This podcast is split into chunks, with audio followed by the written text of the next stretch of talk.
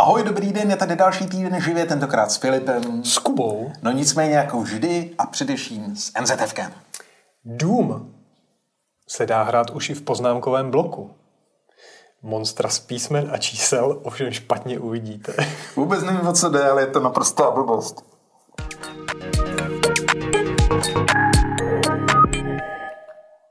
Na začátku si jako vždy projdeme ty nejdůležitější zprávičky končícího týdne.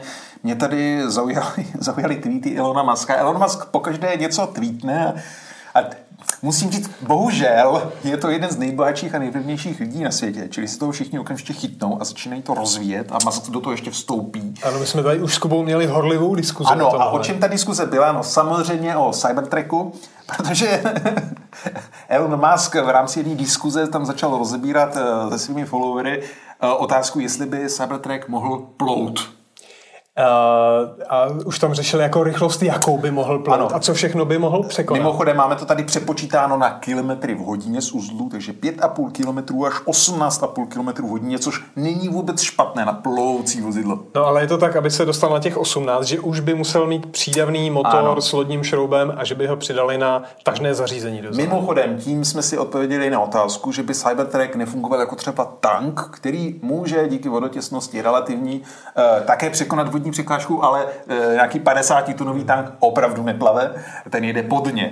Čili, ale pokud Cybertruck by měl vrtulku, tak by nejspíše pod ně nejel, ale opravdu by plaval. A mě by strašně zajímalo, jestli by plaval sám o sobě, tím, že by byl nějak hermeticky uzavřený, aspoň částečně, no. a nebo by tam se e, prostě napustili nějaké plováky, protože ten Cybertruck, aspoň když se člověk na něho dívá, tak je to takový polotank. Je?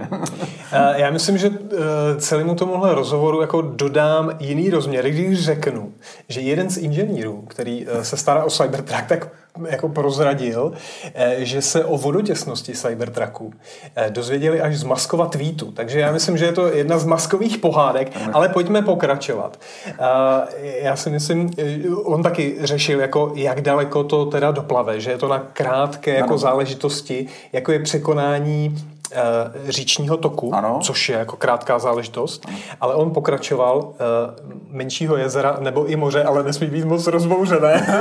Takže uh, no, uh, já připomenu ještě jeden příběh. Uh, oni taky plánují Roadster, už asi pět let. No. A Musk tam uh, zase slíbil, že tam budou rakety ze SpaceX, které tomu Roadsteru udělí zrychlení z 0 na 100 asi jako za sekundu nebo něco takového. A to... to taky ještě nemáme, ale nemáme ještě ten roaster a nemáme ani ten Cybertruck, takže ono je to takové jako Kdyby se máme vůbec nějaké řidiče, kteří by takové zrychlení chtěli absolvovat, aniž by předtím absolvovali eh, kurz NASA. No, no, Protože přeci 0, za 100, 0 na 100 za sekundu, to je to je hodně. Je to hodně, no. Já jsem mluvil s lidmi, kteří seděli v, v nějakých takových těch plate tex, eh, Teslách, které mají 2,5 a že to už jako není nic moc zážitek, no, že to je jako docela nepříjemné. No, to je prostě Bluetooth. Takže sekunda už by chtělo asi armádního pilota v tlakovém obleku. No nebo aspoň toho autopilota, protože ty zrychlíš na 100 km za sekundu a, a omdlíš. omdlíš jako, no. Ok, takže eh, pohádkařina. Nicméně jedna z maskových pohádek pomaličku, ale jistě přechází v realitu. Tesla konečně po třech letech od premiéry začala eh, vyrábět tahač Semi, a prvním zákazníkem bude Pepsi. Měli by to dostat snad už 1. prosince, začne to jezdit po Americe. A zase se řešilo, proč eh, vlastně to trvalo tři roky. Jedna z těch teorií je taková, že oni vlastně nemuseli, že měli vytížené všechny ty výrobní kapacity a tím, že by vlastně část alokovali pro tahač, takže by si omezili ty řady, které už teď vyrábí a které mají dopředu vyprodané. Takže vlastně proč by to dělali, proč by se do toho pouštěli. Uh, druhá teorie je taková, že to, co před třemi lety slíbili, co se týče dojezdu, to znamená 500 km v jedné verzi, 800 km uh, v té silnější verzi, tak s tehdejší technikou nebylo možné. Mm. Ale dneska už se ty baterie opravdu dostaly tak, ano. že ten dojezd slibují i u toho hotového produktu. Ano, mně se u Tesly líbí ještě jedna věc. My víme, že Tesla používá právě právě pro autopilota velkou měrou eh, klasické optické kamery, zatímco ostatní jsou závislí hm, na lidarech. A eh, vlastně teď relativně nedávno hm, řekli, že jsou si touhle technologií natolik jistí, že postupně opou, chtějí opustit i radary, které se používají sekundárně k lidarům. A je to strašně unikátní situace, protože vlastně všechny asistenty, eh, asistenti, ať už částečné autonomie nebo té plné autonomie, používají lidary a používají, ale úplně všichni do jednoho používají aspoň jeden radar. A nikdo, nikdo až na Teslu, která vlastně paradoxně jediná to dělá tak jako opravdu komerčně, hmm. e, e, nikdo si netroufnul jít jenom do obrazu a je to opravdu unikátní situace a to se opravdu děje. To není tweet někde z Elonova Twitteru, takže to je taková zajímavá ještě kontextová informace. No dobře, ale pak stačí mlha, zasněžená silnice. Právě to a... je, ale oni tomu věří a, a ne, říkám, není to jenom tweet Maska, který by řekl, a mně se nelíbí lidary ani radary, dáme to jenom kamery. OK, to je tweet. Ale oni, oni už takhle v podstatě celou dekádu to staví jenom na tom yep. obrazu a je to na jednu stranu zpočátku to byl šílený disk, nikdo tomu nevěřil, všichni se tomu smáli. No a, a teď oni řeknou do toho, zrušíme i radary, jo, což mi přijde brutální a co znamená, že ta technologie musí fungovat a jsou v tomhle směru jediní. Fakt jediní. Nikdo. Okay. Uh, pojďme dál. Garmin představil nové hodinky, nebo až tak nové. No. Uh, je to nová řada Mark a znalci už vědí, že to jsou takové ty uh, navoněné, uh, dřív to byly Phoenixy, teď to udělali z Epixu, to znamená, že to jsou hodinky, které mají AMOLED display, takový ten zářivý. A ty marky pracují s designem. Oni mají řadu pro atlety, dobrodruhy, golfisty, uh, aviátory, letce, kapitány a e, ty hodinky každé mají trošku jiný design, všechny vypadají strašně cool a na každých je napsáno e, něco prostě o golfu nebo něco takového. E, ty hodinky jsou pěkné a stojí od 30 do 50 tisíc, takže no. taková trošku jako když se chcete prostě odlišit, když chcete nějaký icebreaker, jak na vás někdo uvidí golfové hodinky, tak hned ví, že se můžete začít Ano, dřív jste měl nějaké takové ty aviátory, nebo se jmenují ty prostě no. hodinky za 100 litrů, tak teď tam můžeš mít. A pak, když chceš mít chytrý hodinky, tak si koupíš tady tyhle mašinky. No. Co do funkcí, tak oni se jako snaží vysvětlovat, jak právě ty golfové hodinky mají všechny ty jamky předinstalované a, a všechny ty funkce pro golf, ale to si doinstalujete i do standardních Epixů Přesně a tohle tak. jsou vlastně Epixy, takže tady je Hele, je to jenom o designu. Golfový hřiště mám i na Phoenixe. V životě jsem to nepoužil, ale vím, že to tam mohu doinstalovat. Jako, že mám na tu licenci. No jasně, o tom to je. No. no. Takže není to až tak o funkcích jako o designu. No. Prostě. Ale jednu věc jsem chtěl říct. Oni mají vzadu nový konektor. Kubo, ten, co my známe, no, takový ten podlouhlý se čtyřmi piny, no. který se zanáší, ano. po pár letech přestává fungovat a vždycky ten kabel tam tak jako no, no, no, docvakneš. Tak teď mají uh, ty čtyři piny takhle vedle sebe, ve čtverici no? a hlavně uh, konektor k tomu přiskakuje magneticky, takže takhle udělá je ten magnet doufám aspoň silný, protože některé magnetky jsou tak slabý, že to uh, odpadává. Viděl tak... jsem jednu recenzi a tam se právě zabýval tím, že ten magnet není moc silný, no. takže jako velmi opatrně to přiskočí a nechat to ležet někde. Není jo, to s jo. tím, že by to tam jako jo. přiskočilo, mohli si s tím mávat, ale tak asi nabíjení u hodinek já chci, já chci ale od hodinek eh, opravdu v tomhle směru klasický bezkontaktní napájení, to, na co jsme zvyklí z mobilu. Tady ty konekturky taky budou oxidovat, je to, bude to stále od potu, od slizu nějakého. Fuj, nechci to. Vymyslet, předělat. Třeba v další generaci. A ještě tady máme jedno uh, téma k drobné elektronice a to taková kauzička, kdy Lufthansa zakázala AirTagy. Oni uh, argumentovali tím, že je to vlastně zařízení, které aktivně vysílá, což je pravda, i když je to jenom velmi slabě, nedá se to srovnat s mobilním telefonem a tak dále a tak dále. A uh, neslo se internetem, že tím, tím pravým důvodem je to, že lidi si házejí RTG do kufru a tím si je vlastně sledují. Mm-hmm. A uh, potom internet a storíčka na sociálních sítích a tak dále byly plné toho, kde se ten můj kufr uh, toulá, Lufthansa mi tvrdí mm. tohle, přitom vůbec neví, že ten kufr už je tamhle. Mm. A e, tyhle příběhy se množily, takže Lufthansa patrně kvůli tomuhle zakročila mm. a vymlouvali se právě na vysílání, že je to aktivní uh, zařízení. Nicméně uh, letecký úřad jim nedal za pravdu, mm. otočil a uh, RTG zpátky povolil. Je, taky mám kontextovou informaci k létání jako takovému. Teď jsem byl na otočku v Římě, letěl jsem tam uh, ne australskýma, ale rakouskýma aerolinkama Austrian Airlines. A dneska už jsou všichni, už jako i na palubě tady těch eh, vlastně krátkých, krátkodosahových letů je všude wi samozřejmě spoplatina a já ji vždycky koupím, že testuji, jak je rychlá a tak podobně. Musím říci, že jsem na lince eh, Vídeň, Řím, opravdu lokální linka, něco jako Brno, Litomyšl málem, jsem měl rychlost 15 megabitů. Bylo to třikrát, v letadle. A v letadle bylo to třikrát více, než jsem pak měl v Římě, v hlavním městě Itálie, na hotelu. No. na wi A na downloadu? Eh, to byl 15 megabitů download a upload byl asi 1 až 2. Ping, hele, Ping samozřejmě byl, byl ve stovkách milisekund, byl to hmm. karsický satelit, nebyl to žádný Starlink, ale nebyla to žádná sekunda, nebo bylo to myslím 300 milisekund, takže jako akceptovatelný, jo, úplně v pohodě. A víš, jak to tam dostali do toho letadla? Hele, nevím, nevím, ale už to musí být samozřejmě lepší generace, uh, už to není taková ta první generace, když se poprvé objevil uh, internet na polubách letadel a kdy to bylo opravdu jako víceméně tragický, byl to hmm. takový, takové GPRS trošku, jo, eh, stovky kilobitů za sekundu, takže v tomhle směru super. Hmm. Zatím to byla moje asi, myslím, nejrychlejší wi na polubě letadel, včetně transatlantických letů, když to hmm. srovnám třeba s černovým letem do Las Vegas. Já myslím, že když jsme dneska tolik mluvili o Maskovi, že i Starlink uh, připravuje technologii pro letadla, no ale to tam asi ještě nebude a tím spíš ne u Austrianu. Přesně tak, tady je problém ten, že když ten Austrian a další teď v posledních letech investovali do modernizace letadel, tak se jim to musí nejprve zaplatit. Že, a pak teprve budou přicházet na vyšší uh, řadu tady těchto systémů. No, každopádně já bych tady měl ještě jedno témátko, které se týká NASA. Když jsme teď byli ve vzduchu, tak Vystopáme ještě, ještě trošičku výše, protože samozřejmě září a věnovali jsme se tomu. Uh, jsme tady měli misi DART, eh, což byla ta mise, kdy malý satelitek NASA uh, dopadl tady na planetku Dimorphos. Dimorphos, ach, pamatuju to správně, má průměr asi 150 metrů, že je to tady větší šuter.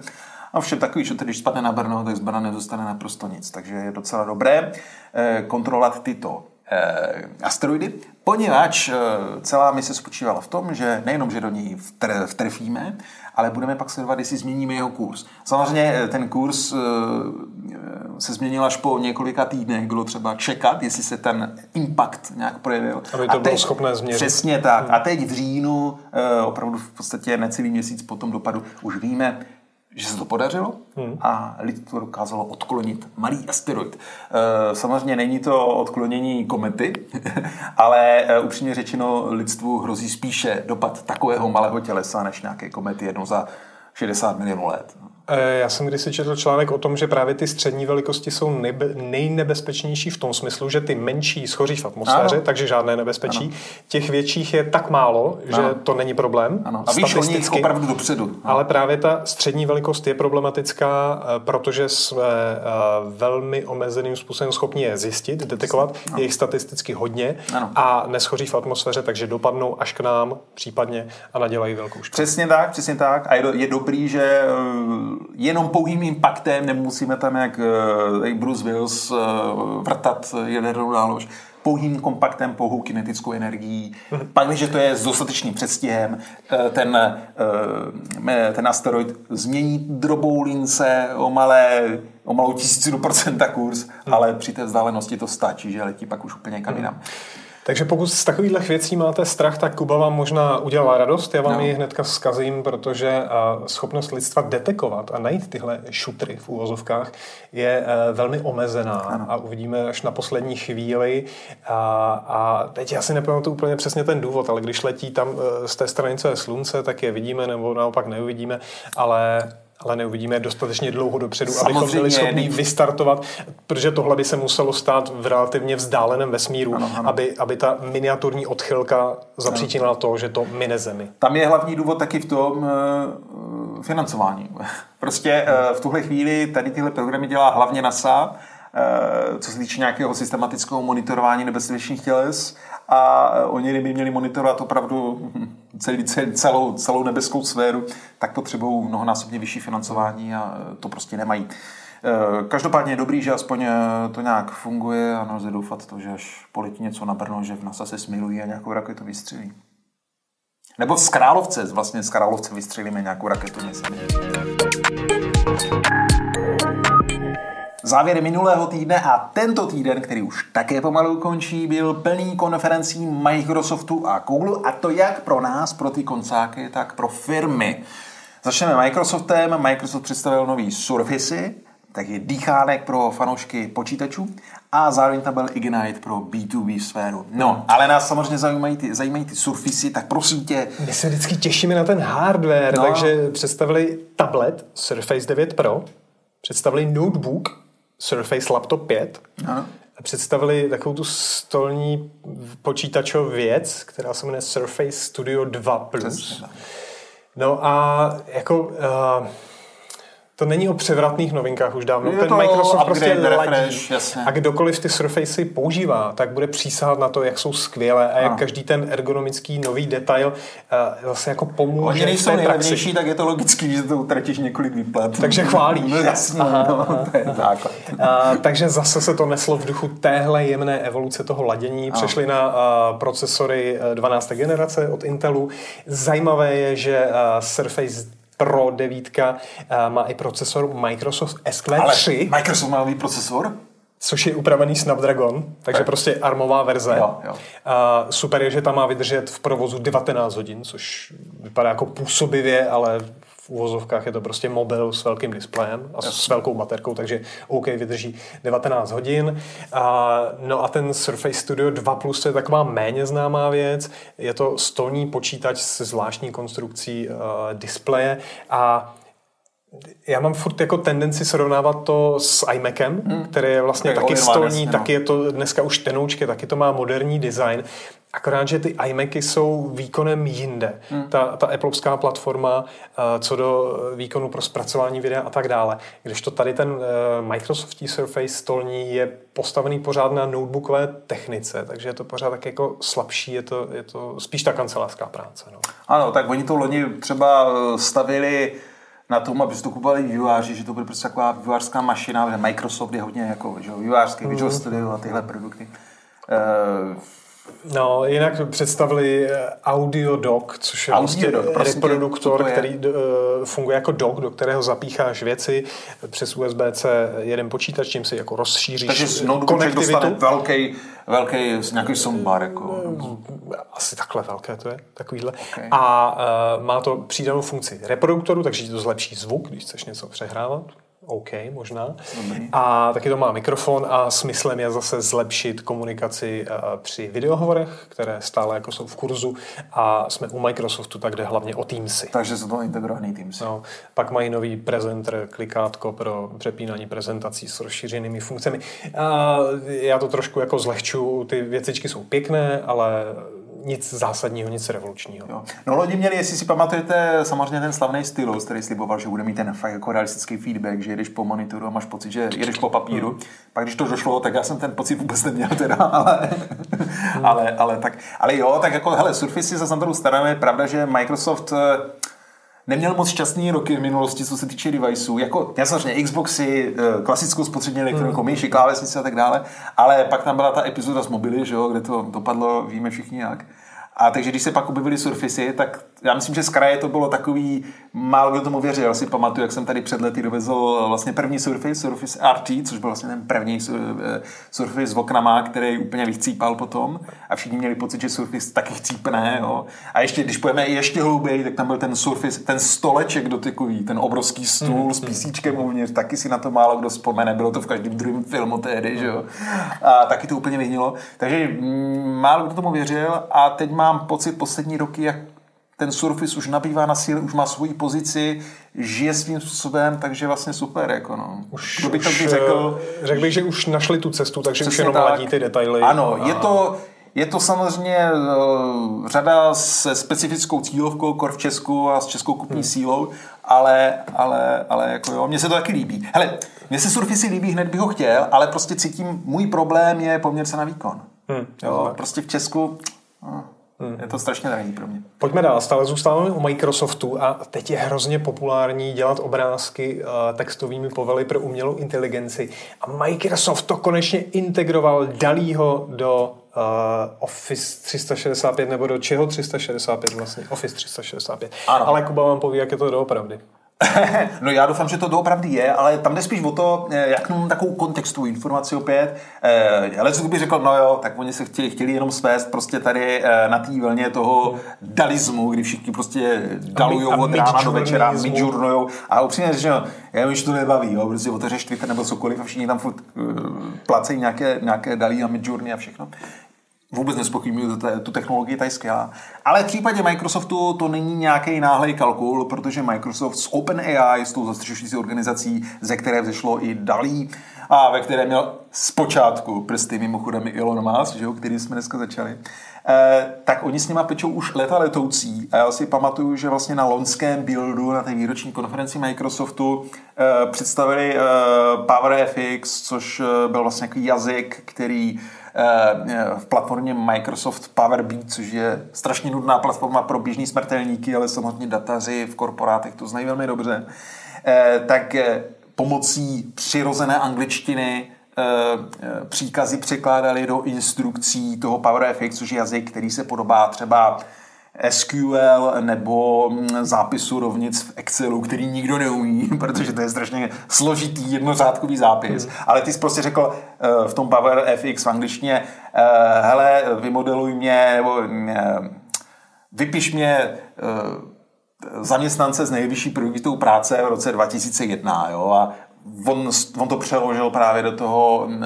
složitého kódu, toho PowerFX. A, takže to byla jedna technologie, která byla zložena na GPT-3, na textové neuronce. No a z té e, za, hodně, velká část technologie toho GPTčka pak přišla i do toho dalí, protože ten dalí eh, nejenom, že generuje obrázky, ale musí prvně rozpoznat, co chceš generovat, čili musí perfektně znát syntaxi a semantiku angličtiny, čili tam se prolíná jak obrazový generátor, tak vlastně eh, dekoder eh, přirozené angličtiny. No a Pointa je tedy ta, že Microsoft OpenAI spolupracuje leta, mají i kopilota, čili doplňovač kódu na bázi AI, který je součástí hmm. placenou funkcí eh, GitHubu a GitHub taky patří Microsoftu. Takže opravdu je to dlouhý, dlouhý, dlouhý příběh a Byť tohle může být třeba výstřel do prázdna, kdo ví, jak to bude s Dalí a Midjourney za rok, za dva, jestli to neskončí jenom tady u generátoru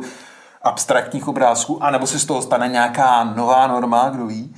Ale každopádně ta spolupráce a ten, to prolínání AI eh, a produktu Microsoftu bude rozhodně pokračovat. Mě jenom mrzí, že se to zatím neprojevilo v tom nejdůležitějším softwaru, kterým je Windows.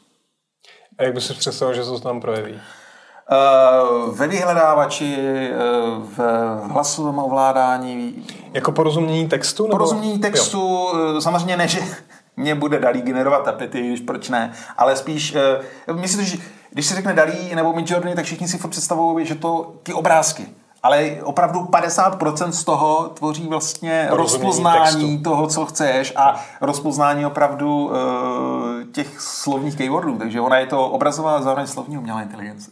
No a když se vrátím zpátky k Dalímu v Office 365, jak to tam bude využité? Studoval jsi to nějak? Pravda, čem, čem to jsme se bude? vůbec nedostali. No. Že? Tak se vraťme k úvodu. E, e, tam je problém v tom, že my jsme to samozřejmě zkoušeli, protože mám taky Office 365, ale, ale tam to bylo zatím zamknuté, takže ne, neměl jsem k tomu přístup, ale co jsme viděli, je to víceméně mm, generátor, když to velmi zjednoduším, PowerPointu, dá se říct, nebo části PowerPointu, kdy ty víceméně to řekneš, co chceš tak nějak vygenerovat a on vygeneruje podstatě dá se říci cliparty nebo grafiku pro prezentaci a vytvoří ti, vytvoří ti nějaký designový styl.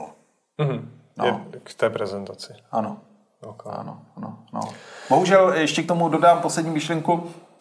Opět, Dalí, Midjourney jsou to skvělé věci a úplně čumím, co to dokáže ale přijde mně, že to má furt takový hodně podobný rukopis. Že prostě je to rozpoznatelný. Je to hezký, mně se ta abstraktnost líbí, ale poznáš to okamžitě, jo, tohle je Dalí nebo Midjourney, prostě umělá inteligence. Mm, podívejte se na titulní stranu živě.cz, my si s tím hrajeme docela dost. Něk, ne některé, řada z našich ilustračních obrázků na titulní straně je generovaná z Midjourney. Ano. A opravdu jako je to poznat, je to vidět. Je, poznáš to, ale No, tak a právě proto jsem zvědavý, jestli se to ještě někam posune, nebo tady prostě za rok uh, budou všichni používat tuhle technologii. Na druhou stranu, dívej se, Midjourney a Dalí je to tady vlastně pár měsíců a už se otevírá stejná otázka, která se otevírala u Copilotu v tom GitHubu a to samozřejmě otázka autorských práv. Už se tady všichni říkají, hmm. hele, sakra, na jakých datech jste to učili? Učili jste to na datech, které byly samozřejmě svobodní, nebo prostě měli jste k tomu licenci? Hmm. Ano, ne.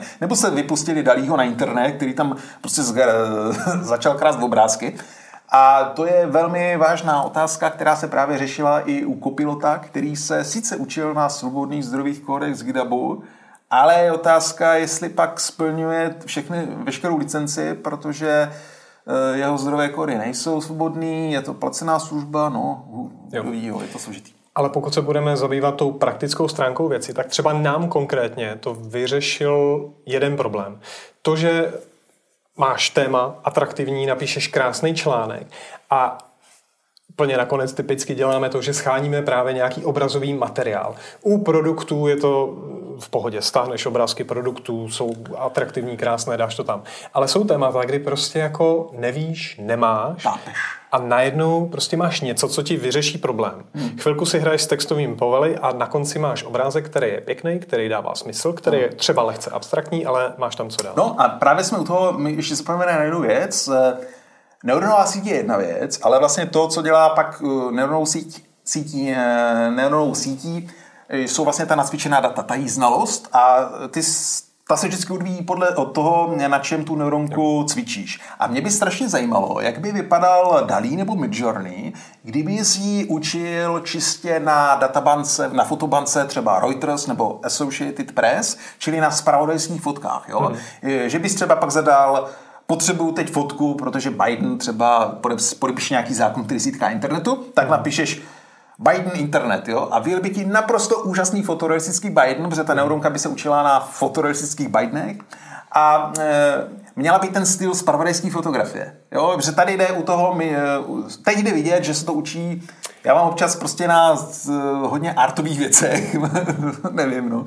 Strašně mě to zajímalo. A taky víme, že se hodně učila na Emmy Watson. Tím se zabýval náš kolega, který napsal článek o tom, že uh, Midjourney miluje Emmy Watson, protože uh, opravdu ty obrázky, které obsahovaly v tom, v tom příkazu jméno téhle herečky, tak vypadaly velmi jako povedeně, velmi ano, realisticky. Emma, Emma Watson byla, byla boží. No. Takže tam byli studovat. Ano, určitě. ale my když taky oba, až, až budeme stejn, ve stejné kvalitě generovat opravdu všechny osobnosti, aniž by byly uh, nějak pokřivy.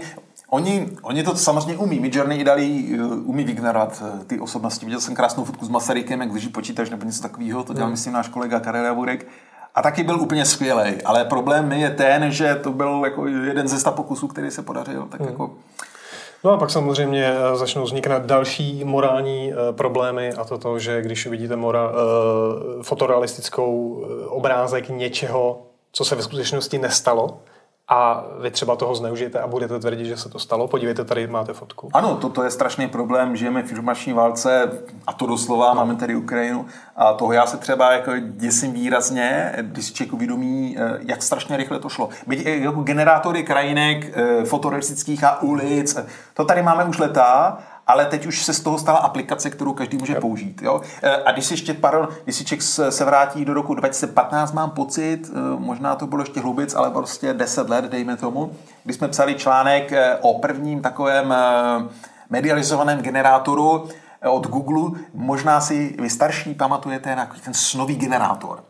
Byla to neuronka od Google a to bylo, to bylo jako Dalí, když bylo Dalí malé, když byly tři roky, bylo prostě naprosto totální abstraktní e, formace snové a to tehdy byl ten top, to byl ten vrchol technologie e, vycvičený Googlem, který k tomu měl vlastně neomezené hardwareové prostředky a inženýrské. E, uplynulo smě, směšná dekáda a máme tady Dalí, který, když se zadaří, tak dělá fakt úplně mm. úžasné věci. Takže já se fakt děsím toho, co bude za těch dalších deset let. No, já to Fakt chci říct, děsím, protože, protože dneska to... tady mluvíme o vlivu fake news na dnešní společnost, jak vlastně se tím mění. A, a pokud se eh, posuneme k tomu, že nebude možné věřit jakémukoliv obrázku, který ano. uvidíme. Že dosud to bylo tak, že ano, je to tak, podívejte, tady máte fotku a s tím vlastně pracují ty fake news, akorát ta fotka je odinut a tak dále. Ale najednou prostě bude nějaká obrazová informace, která eh, nebudeš vědět, jakou má hodnotu, jakou, naštěstí, jakou má relevanci. Naštěstí ten, ten týž Google a pracovala na to, myslím, i Nvidia a další, už před lety, jakmile, se, jakmile si akademici začali klást tuhle otázku, tak oni začali budovat neuronky, které hmm. jsou učené na odhalování uh, fake obrázků. Obrázků, který ty nemáš šanci rozpoznat, hmm. ale oni uh, opravdu uh, strukturou pixelů, který vznikly uh, umělým způsobem jinak, Eh, to rozpoznají. Hmm. to je jediná šance. Takže já věřím v to, že pak tyhle systémy budou nasazený, nevím, na Facebookích a tak dále, budeme, budou novináři k ním mít přístup a tak dále a ty prostě do toho hodíš fotku a ono ti No dobře, vyplikne pak- skóre Pak 0 budou až 10 zase dezinformační komunity, kde tohle nikoho zajímat nebude. ano, no.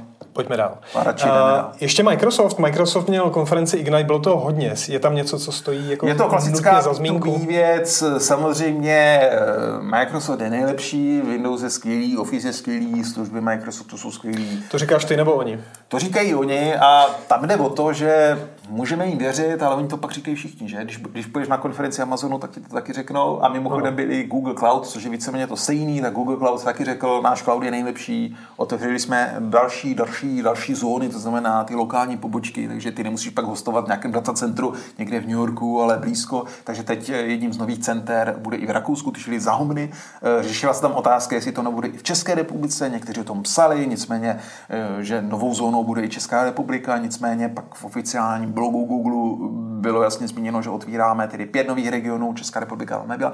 Nicméně eh, cloudy jsou všudu přítomné, jsou stále lepší a my se do nich hlavně neustále přesouváme jakožto firmy a všichni ostatní. Takže to je ta B2B věc, která se ale nakonec týká i nás. My vlastně ten cloud používáme permanentně skrz ty aplikace třetích stran. A když jsme u otevírání nových regionů, tak Google otevíral nové regiony i pro uh, Play Store, se to jmenuje, to, kde kupuješ hardware.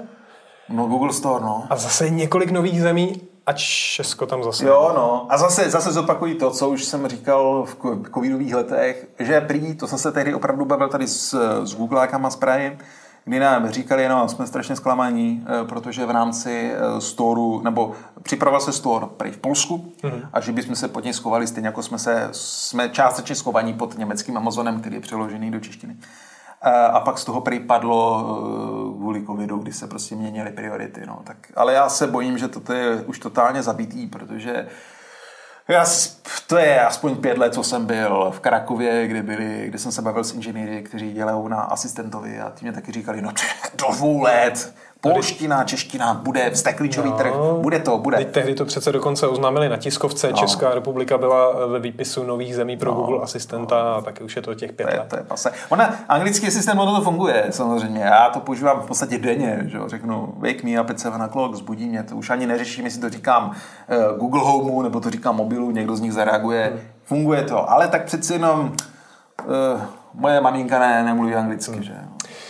OK. Uh, Google taky představil nový hardware o pár dní dříve a byly tam nové Pixely 7 a Kuba je uživatel Pixelu, takže Kubo, kupuješ letošní generaci? nebo? Já jsem koupil Pixel 6 letos na jaře, takže, no. takže letos určitě Pixel 7 nekoupím. Eh, Já jsem měl samozřejmě já nevím, no, eh, samozřejmě, když vyjde nový Pixel, počínaje šestkou a i teď sedmičkou, tak všichni říkají, a konečně ten Pixel k světu, má prostě vzadu tu ošklivou věc. Já říkám, že je ošklivá, mně se naprosto nelíbí, to mě je ošklivý, hnusný, hranol, ale já vím, jsem jediný, všem ostatním se to líbí, je to úžasný, Pixel má konečně tvář a tak podobně. Ano.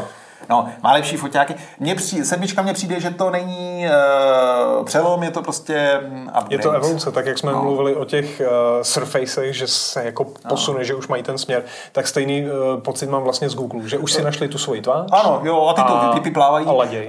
Uh, u z toho pročka tam se mě líbí vlastně ten displej, který může hodně přepínat tedy ten frame rate až na 10 fps, takže předpokládám, že by mohl být v always on nebo prostě v nečinnosti výrazně úspornější. Mhm. Mm-hmm. Byť si myslím, že 10 fps je stále hodně. Jsou displeje, který umí 1 fps. A tam u always když si tam svítí jenom hodiny, tak není třeba je překreslovat 10krát za sekundu. Ale eh, co foťáky, no, tak eh, Uh, oba mají 50 megapixelový základ, no. uh, pak mají 12 megapixelový široká, s tím, že Pročko tam má, Má tele, no. ostření a dá se použít jako na makro. ano, ano, jo, to makro, to se mi líbí. No. Pročko má navíc 48 megapixelový Teleskopický. pě- pětinásobný periskop. Periskop. Teda periskop, no. Takže to už bude docela pěkně použitelné, to, těch pět, to je, to je pěkná hodnotka. Uh, jinak, co mě zaujalo, tak eh, stejně tak, jak Pixely mají zadarmo Google fotky, to znamená, že stále můžete uploadovat zdarma, aniž byste si museli zvlášť platit uh, služby u Google, tak teď budou mít i VPN v plné rychlosti. No, ale to je trošku... VPNka zdarma pro ty, kteří mají Google One. A Google One je předplatný, já ho mám. Takže v rámci předplatného já dostanu. VPN. Ale Pixely ho právě budou mít to VPN zadarmo, stejně jako mají ty, ty A já fotky. jsem tam četl v článku, možná to tak je, ale v článku jsem četl, že to VPN je součástí předplatného Google One.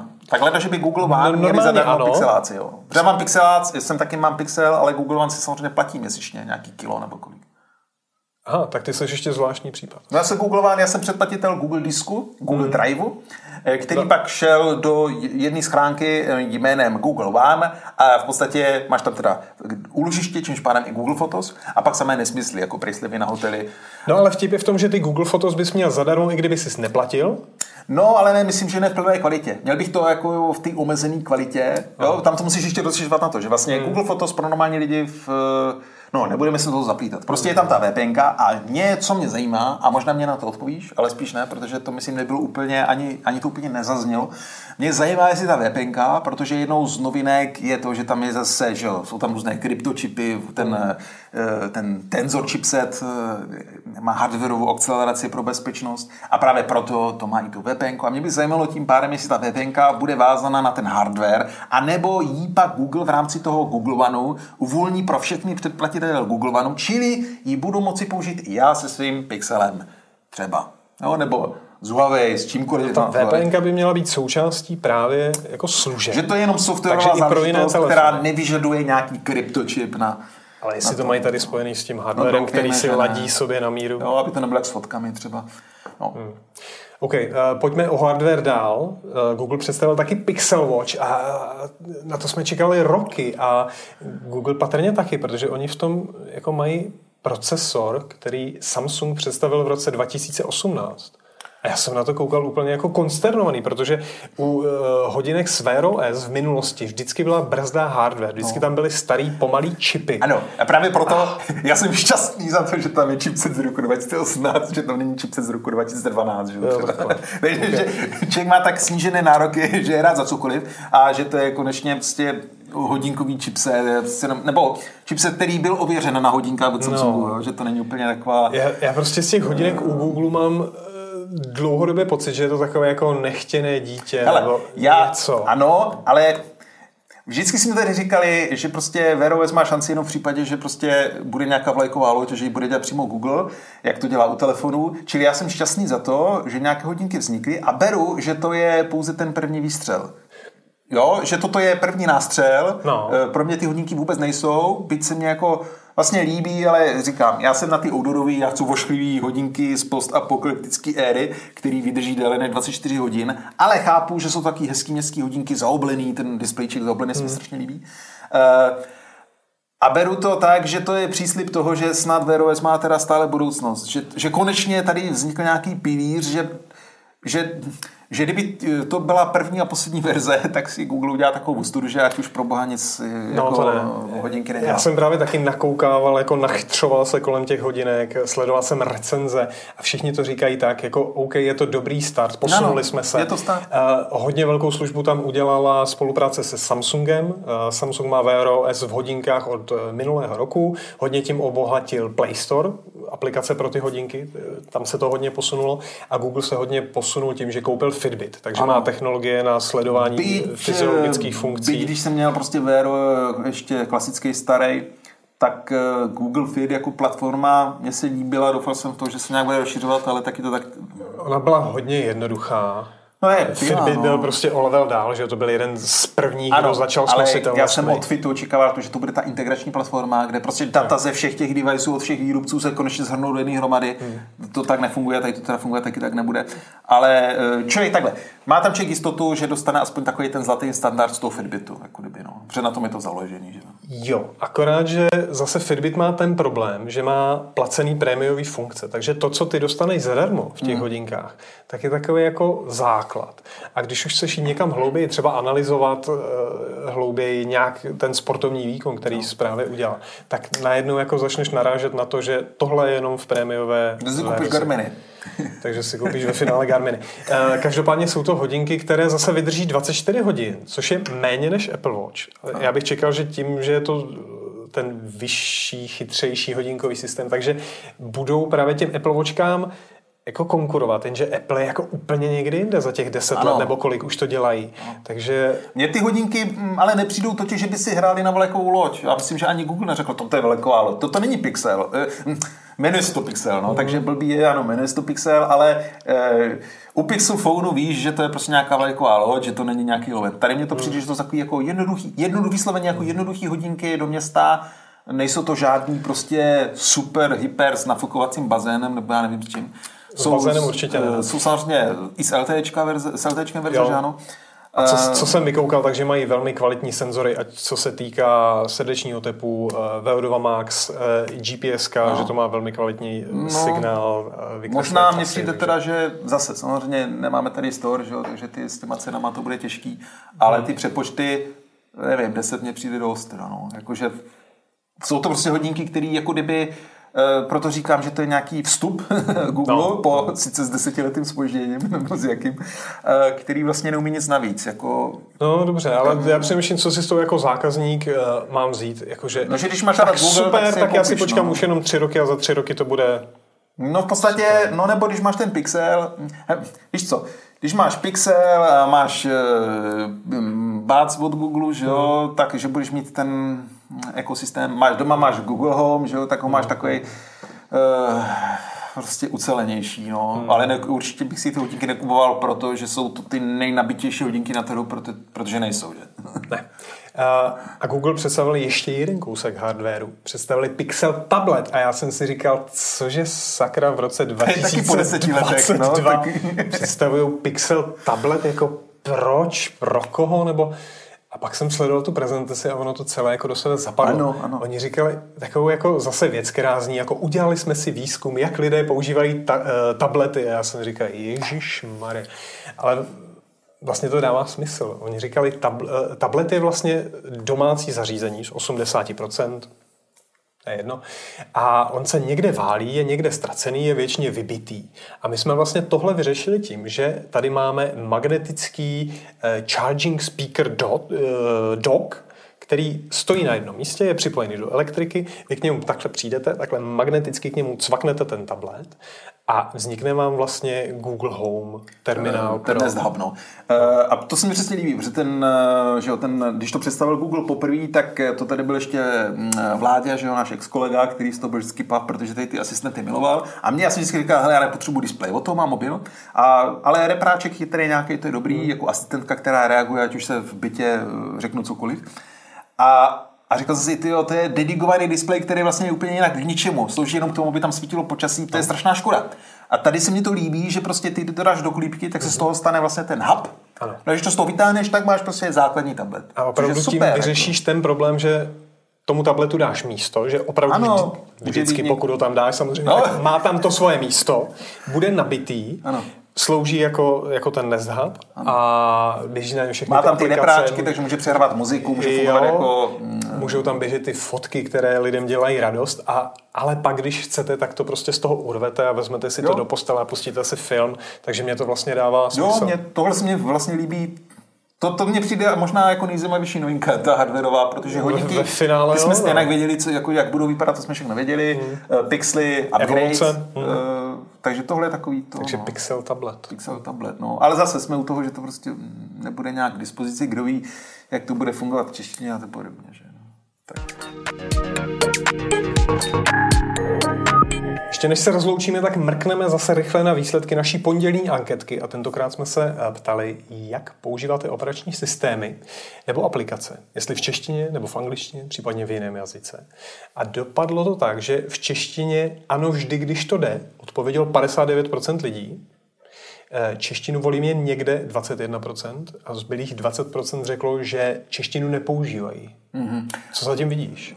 Ono hlavně ty výsledky odpovídají realitě. Já taky Asi mám. Jo. Když máš prostě operační systém, já už jako nevolím nějaké jazyky, protože většina těch programů, ono je taky pět a půl dneska. Si to poznají sami. Poznají podle lokalizace mm. systému. Já mám Windows češtině, myslím, že opět, když jsme tady změnili toho vládu, tak ten vždycky všechno připínal do angličtiny, ale proč by měl Windows připínat do angličtiny, nemám potřebu. Na druhou stranu chápu tam těch pár procent, který používají všechno výhradně v angličtině, a to zejména u těch expertních nástrojů.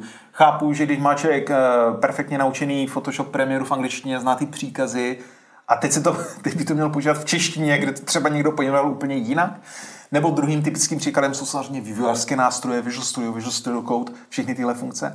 Eh, ale mě nejvíc fascinuje u Microsoftu, eh, když překládá i ten programový jazyk. Typickým příkladem je příkazy, opět, že jsou příkazy v Excelu, že jo, což je, to je prostě hrůza. A je to i nefér. Já doufám, že děcka, když mají informatiku ve škole a učí se tam nějaký příkazy, je zóna v Excelu, že se to učí v anglickém Excelu, protože oni se to naučí v českém Excelu, který je jako jenom v tom Excelu, když to ty anglické příkazy jsou víceméně standardní yep. i v ostatních nástrojích, ať už je to OpenOffice nebo něco jiného. Takže tam to naprosto chápu a tam mě to teda brutálně šte. Já chci Office používat, možná to je, teď se omlouvám, když tak mě opravte v diskuzi, neskoumal jsem to, ale chci používat samozřejmě to rozhraní v češtině, Excel, Word v češtině, protože jsem ho v češtině vždycky, ale, ale, ale tedy mm, eh, ty hmm. Eh, výrazy v Excelu bych chtěl mít v angličtině, prosím. Je pravda, že občas to přináší komplikace. Jsou tady špatné překlady. Já jsem se teďka eh, zrovna jsem letěl a když jsem vyplňoval nějaký ten check-in, tak ten formulář, který byl přeložený do češtiny, ale evidentně strojově, tak najednou končil uh, příkazem tlačítkem zachránit. Já jsem na to chvíli. Jo, chápu. Říkám, aha, safe, uložit. A, a někdo jo, prostě jako jo, tam vybral jiný výraz toho slovíčka, takže uh, přináší to komplikace. No. no a ještě mě napadá jedna věc, kdy má smysl řešit, jestli v angličtině nebo v češtině.